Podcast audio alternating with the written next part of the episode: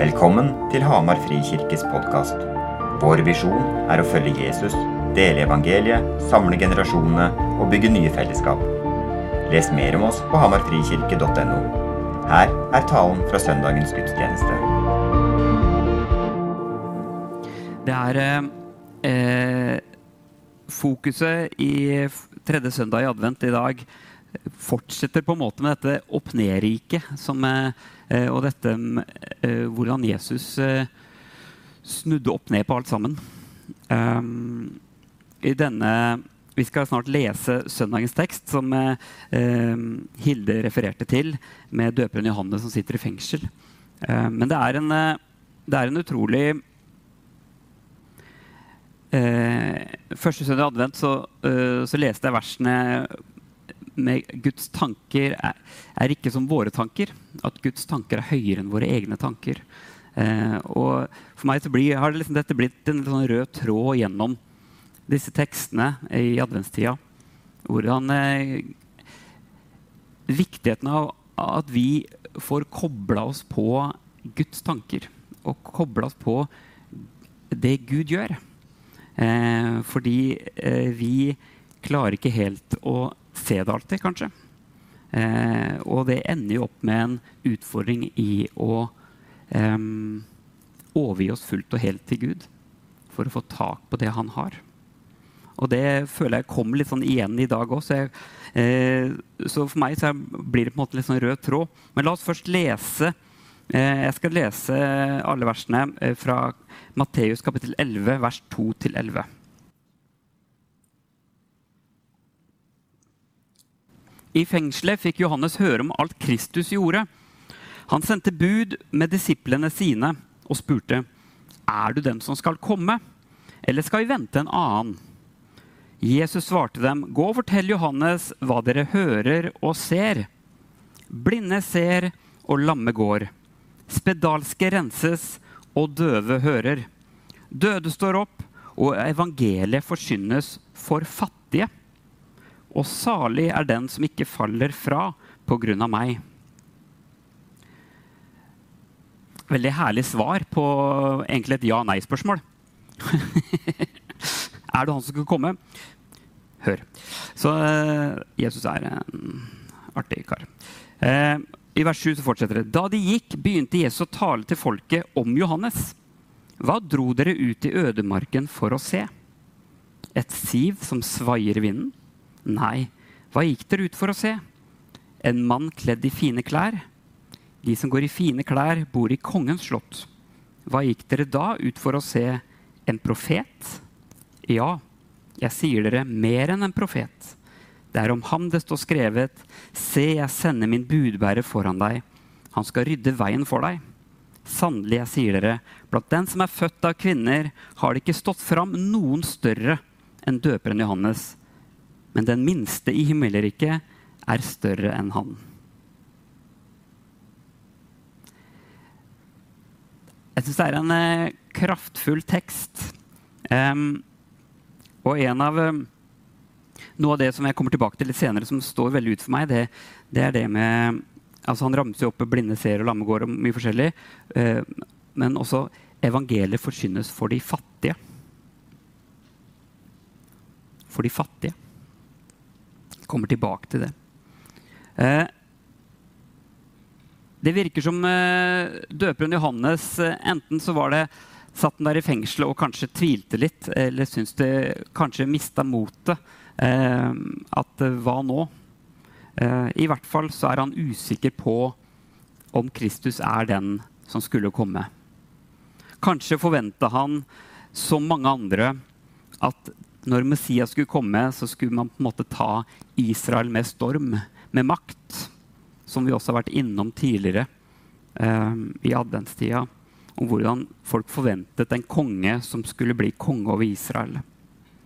Han trengte å bli forsikra om at eh, Er det deg? Er det, eh, det skjer på en litt annen måte, men er det du som skulle komme?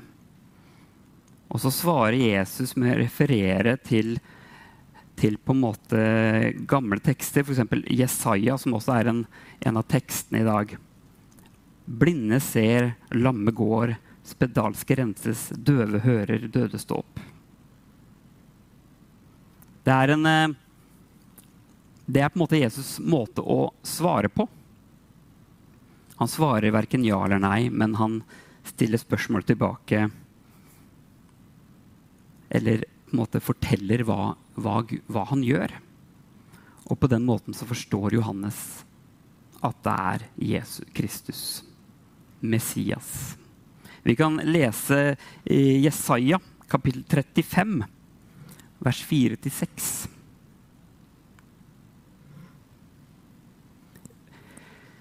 Vær sterke, ikke redde.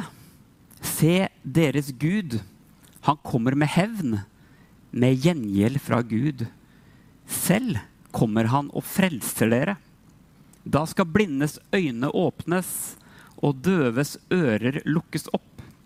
Da skal den lamme springe som en hjort, og den stummes tunge skal juble. For vann bryter fram i ørkenen og bekker i ødemarken. Så når Jesus sier disse ordene, så forstår Johannes at det er Jesus som har kommet. Det er Kristus, det er Messias. Men igjen så kommer Jesus på en annen måte enn det som var forventa. Han bringer igjen dette annerledes riket, hvor han ikke kommer med makt, men med godhet. Der han helbreder syke, setter fanger i frihet, og han møter de fattige og de som lider. Historien til døperen Johannes er jo litt spesiell. Fordi han var jo en veldig spesiell fyr. Det står om at han spiste gresshopper og gikk i rare klær. Levde ute i ødemarken og forkynte et omvendelsesbudskap. Er det noen som har smakt gresshopper her? Oi! Er det godt? Crispy? Ja. Snacks? Ja. Hva sa du? Ja. Riktig tilberedt. Ja. Det står ikke noe om Johannes tilberedte dette. Men uh, han ble på en måte sett på som både litt gæren, men kanskje også litt Folk var fascinert av han. Uh, han fascinerte folk, i hvert fall som mennesker oppsøkte han. Og, og uh, han kalte til omvendelse. Kallet hans var spesielt. Han var den som skulle forberede folket på Messias. Men selv om det var mye spesielt med Johannes og hans kall, så hadde han på lik måte som oss et valg om å følge Jesu ord uansett hva andre synes, eller oppføre seg annerledes for å bli mer akseptert eller mer populær. En annen som måtte gi avkall på noe, er en annen, den, en annen tekst som, er, eh, som, også er for i dag. Eh, fortellerteksten er historien om Daniel som endte opp i løvehulen. Daniel var jo en som var overgitt til Gud og ba fast til Gud og ville ikke gi slipp på viktigheten av å tilbe Han og ingen andre. Tilbe Gud og ingen andre. Og når han ble utfordra til at han måtte bøye kne for kongen, som for øvrig var en, en god relasjon mellom han og kongen Men han valgte å ikke bøye kne for noen annen enn sin gud. Da ble han kasta i løvehulen. Og så har vi jo lært på søndagsskolen at det gikk bra, det òg. Men eh, Daniel kunne sikkert ha justert seg, så hadde ikke det trengt å bety at han ikke var glad i Gud. Men det var no, en overbevisning om at jeg, bøy, jeg skal ikke bøye kne for noen annen enn Gud. Ikke noe menneske kan ta den plassen. Det er kun Gud som fortjener at jeg bøyer kne. Vi kan alle komme i situasjoner hvor vi blir satt på valg. Og Jesus utfordra sterkt til etterfølgelse av han. Eh, det gjorde han gjennom dette opp-ned-riket sitt, han, hvor alt ble snudd opp ned. Og Det er derfor han også snakker om at han forkynte evangeliet til de fattige. Det var jo uhørt. De fattige. Det var jo på en måte de som syntes, de skriftlærde prestene, de som tilsynelatende gjorde alt riktig. Det var de som hele veien søkte den anerkjennelsen for å være godkjent og godtatt, og de som fikk det til. De fattige hadde et annet status. De ble ikke regna med engang. Og så er det Jesus som kommer og sier, 'Jeg, har, jeg forkynner evangeliet for de fattige'. Um, jeg skal lese en tekst til fra 1. Korinter, kapittel 3 vers 18-23. Ingen må narre seg selv.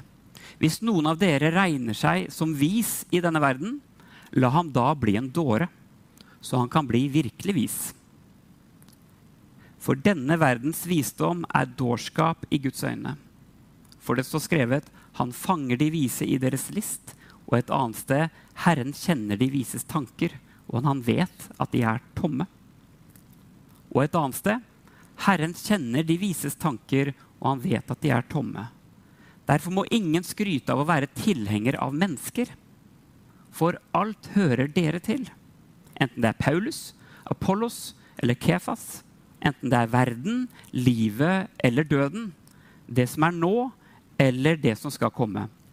Alt hører dere til, men dere hører Kristus til. Og Kristus hører Gud til.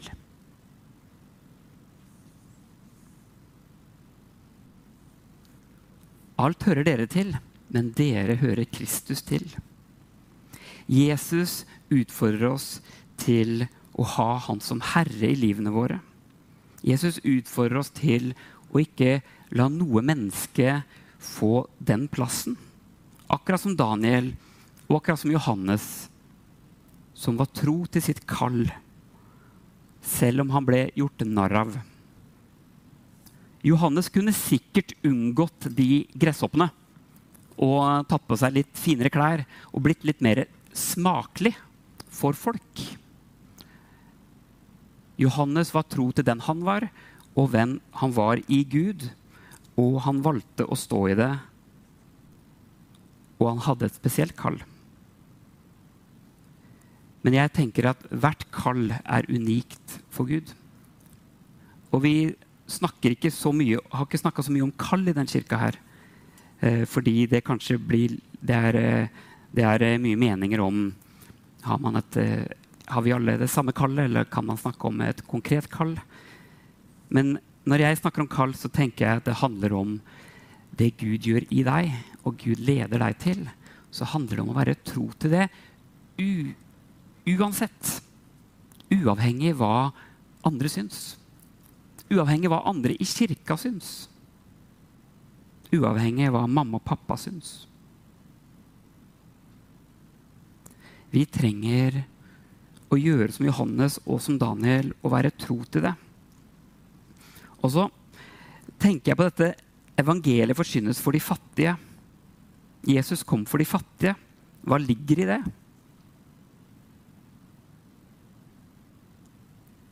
Betyr det at det er feil å være rik? At han ikke kom for oss som bor i Norge, som har mye? Han sa til den unge, rike mannen, 'Gå bort og selg alt du eier, og så kom og følg meg.' De fattige har lite materialistiske ting. De fattige lever i ydmykhet, innser de trenger hjelp. Jeg tror noe av det er grunnen til at Jesus sier i bergprekenen 'Salige er de fattige'. Jeg tror at det ikke er feil å eie ting. Men jeg tror også at jo mer vi eier, jo vanskeligere er det å ha Jesus som herre.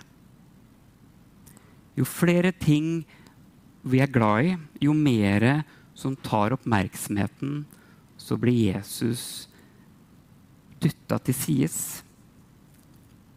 Jeg tror Jesus sier at han har kommet for å forkynne evangeliet for de fattige, fordi han vil forkynne evangeliet for de som trenger Jesus. For de som kan si at 'jeg er desperat etter at Gud er på førsteplass i mitt liv'. Jeg er desperat etter at Gud er min herre.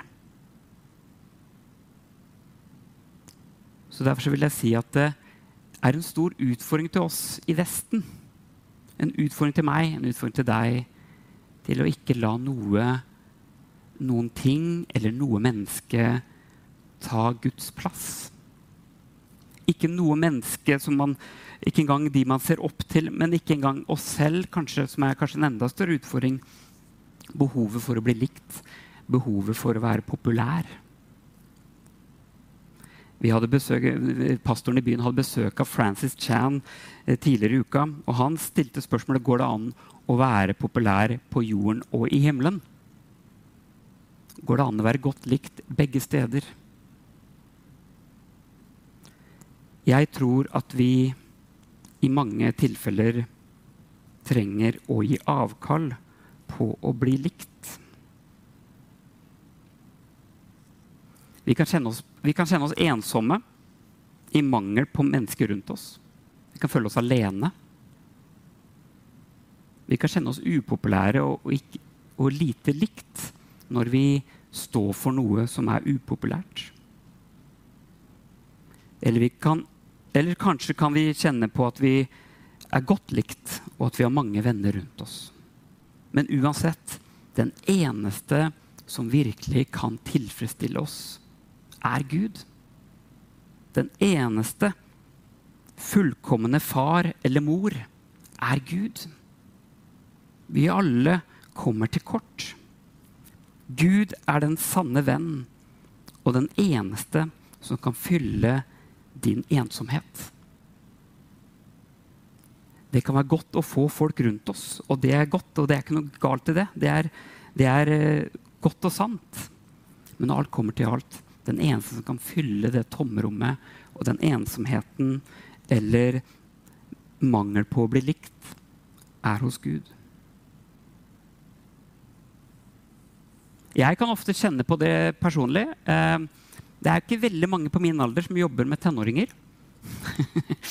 eh, og eh, jeg er veldig glad i de tenåringene. Da. Sitter noen der oppe. Eh, og jeg gleder meg til hver fredag.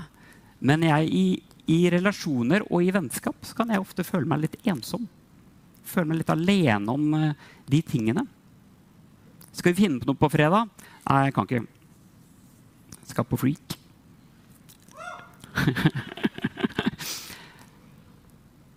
Jeg har gått prosesser uh, sjøl på det her i forhold til I møte med jevnaldrende så, så Når alt kommer til alt, så er det ting jeg er kalt til, og ting jeg opplever Gud leder meg til. Så er det Gud som må fylle. Ingen andre kan fylle det. Og det kan være annerledes for deg. Kanskje kjenner du deg ensom. Kanskje kjenner du uh, på en måte at du syns du har mangel på venner. Så kan vi be om de tingene. Gud er praktisk, men når alt kommer til alt, så er det kun Gud som virkelig kan fylle oss.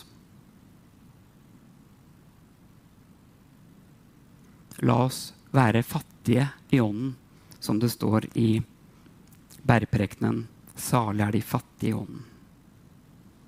For det er da vi kan ta imot av det Gud har for oss. Så jeg skal gå inn mot landing. Jesus var den som skulle komme. Jesus er Messias. Han var kongen som skulle komme. Han, han, er kongen som har kommet, og han er kongen som skal komme igjen. Han forkynte et sant evangelium for de fattige. Han kalte oss til et disippelliv der vi er kalt til å legge ned våre liv og la Han være vår konge. La Han være vår herre. Og som det sto i 1. Korinter For denne verdens visdom er dårskap i Guds øyne. Det er kun Gud som kan gi oss den rette visdom. Og han kjenner våre tanker.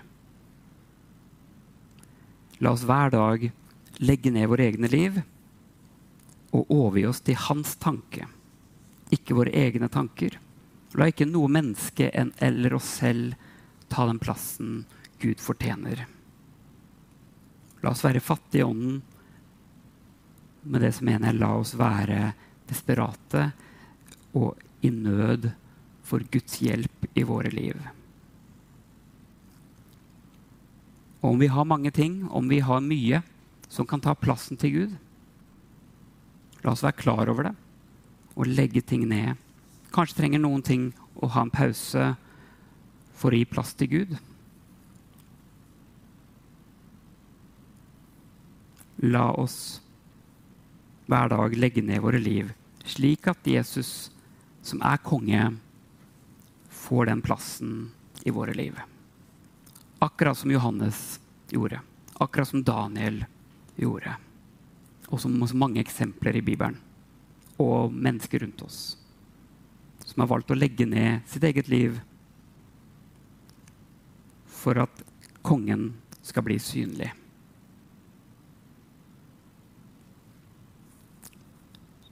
Takk, Gud, for at du sendte Jesus og viste oss et annerledes rike. Hvor det ikke handler om å være stor i seg selv. Hvor det ikke handler om å gjøre som de skriftlærde og eh, være tilsynelatende perfekte. Men hvor du kom med et budskap om å være fattig i ånden. Og legge ned våre liv slik at du kan være konge i våre liv. Ber om det, Jesus, for hver enkelt en av oss. Må du ta oss den veien vi trenger å gå i det.